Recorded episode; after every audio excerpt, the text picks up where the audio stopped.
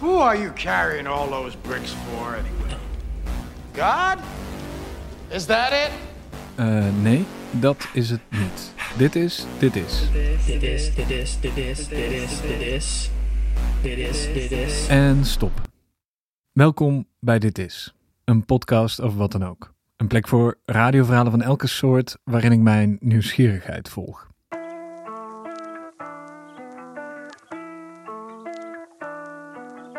Twee weken terug opende ik voor het eerst de schermtijdfunctie op mijn telefoon. Om te kijken hoe lang ik per dag naar mijn telefoon keek. De weken daarvoor was ik namelijk in een YouTube konijnenhol gevallen. Hey guys, JB here. Excited you're with me. Another edition of Morning Coach. It is a Sunday, a place for videos that you can come. Het begon met een review van iets dat ik overwoog aan te schaffen. Maar al snel keek ik op dezelfde kanalen ook naar producten die ik nooit zou aanschaffen. Filmpjes over hoeveel abonnees ze inmiddels hadden en de ochtendroutine van een van de makers. We'll have some fun every day. That's what we do. Sometimes we'll be outside, inside. I don't know. We're just going to keep rocking it here as I learn these camera systems and how they work and how this whole YouTube thing works, right? Ik heb eerder periodes gekend dat ik veel op YouTube zat. Ik was bijvoorbeeld een tijdje gefascineerd door de structuur van de vlogs van Casey Neistat. Now, before I started vlogging, vlogging was typically individuals carrying around like point and shoot cameras that were sort of documenting their day into a camera. It was a much smaller genre back then. Of ik keek fermentatievideo's van Pro Home Cooks en Food Geek. Hi, I'm Soon and I'm a food geek. Maar dit was iets anders. Nu keek ik niet echt naar iets. Of met een reden. But as I always say, this is a, community more than a channel. Almost put it backward. This is a community, not a channel. And I love the comments below. Er was een week waarin ik mogelijk corona had en uit voorzorg niet bij mijn vriendin, maar in het bed op de logeerkamer sliep. Ik lag daar en keek filmpjes totdat mijn telefoon leeg was. En als ik heel eerlijk ben, soms zelfs wel wat langer. In een onhandige positie, omdat mijn oplaadkabel te kort was.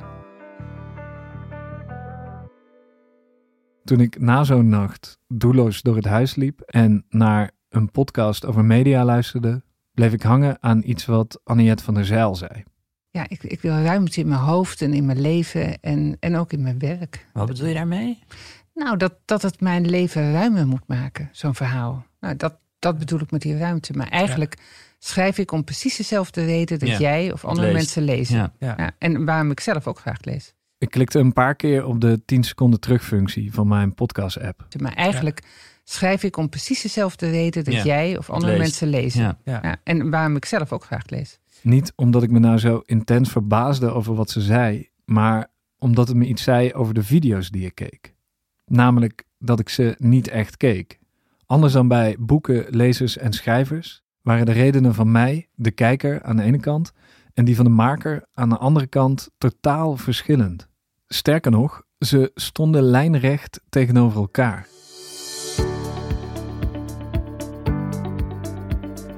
Ik realiseerde me dat die YouTubers filmpjes maakten om gezien te worden. En ik? Ik keek die filmpjes om te verdwijnen. En met mezelf verdween ook mijn concentratievermogen. Ik kon geen artikel meer uitlezen. Ik gooide een brood in de oven die ik op totaal de verkeerde temperatuur had ingesteld en ik had geen energie om te sporten. Alles wat ook maar enigszins mijn aanwezigheid vereiste, mislukte. Dit is geen verhaal over sociale media en algoritmes en over hoe ze casino-tactieken gebruiken om ons verslaafd te maken. We've all been there, denk ik. Ik weet ook niet wat er eerst is: de wil om te verdwijnen of de sociale media. Vorige week besloot ik een aantal dingen. De telefoon zou ik niet meer naast mijn bed opladen. Mijn aanwezigheid vereist blijkbaar de afwezigheid van die smartphone. Ik ging ochtends eerst schrijven, dan sporten, dan mediteren. Daarna een kop koffie en een artikel lezen van papier.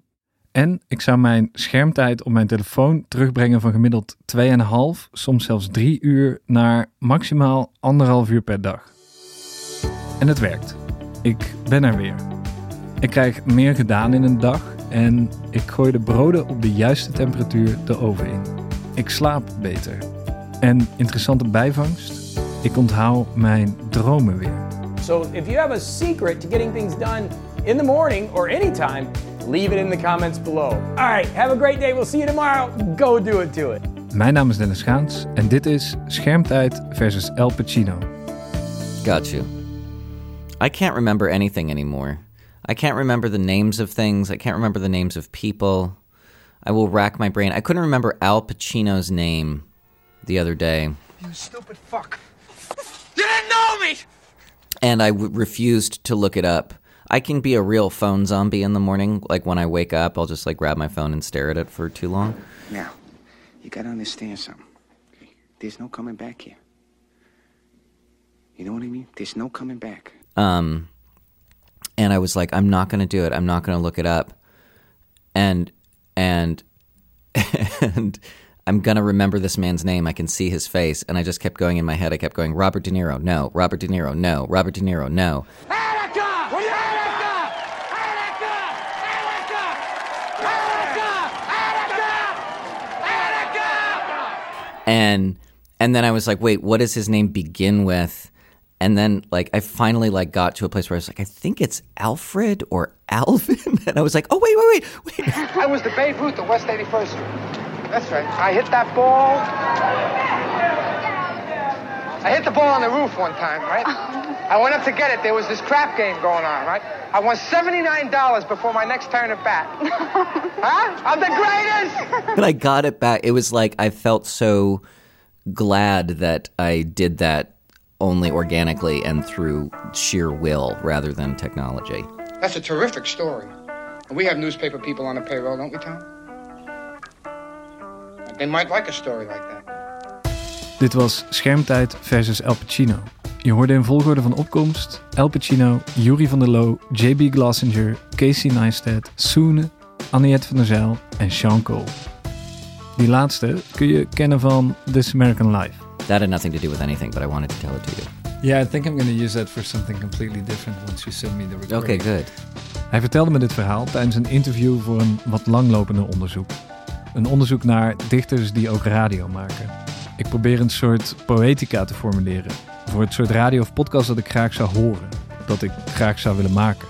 Daar zal ooit nog wel een aflevering van deze podcast aan gewijd worden. Dit is de poëtica of zo. Ik begon ooit met podcasts omdat ik iets wilde maken dat ik nog niet gehoord had. Dat ik nog niet kende.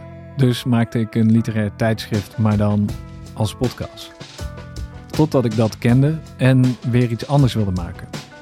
En deze podcast is mijn experimenteertuin. Dus hier gaat die poëtica ontdekt worden. Voor datzelfde onderzoek sprak ik ook met Ross Sutherland, die de onvolprezen podcast Imaginary Advice maakt.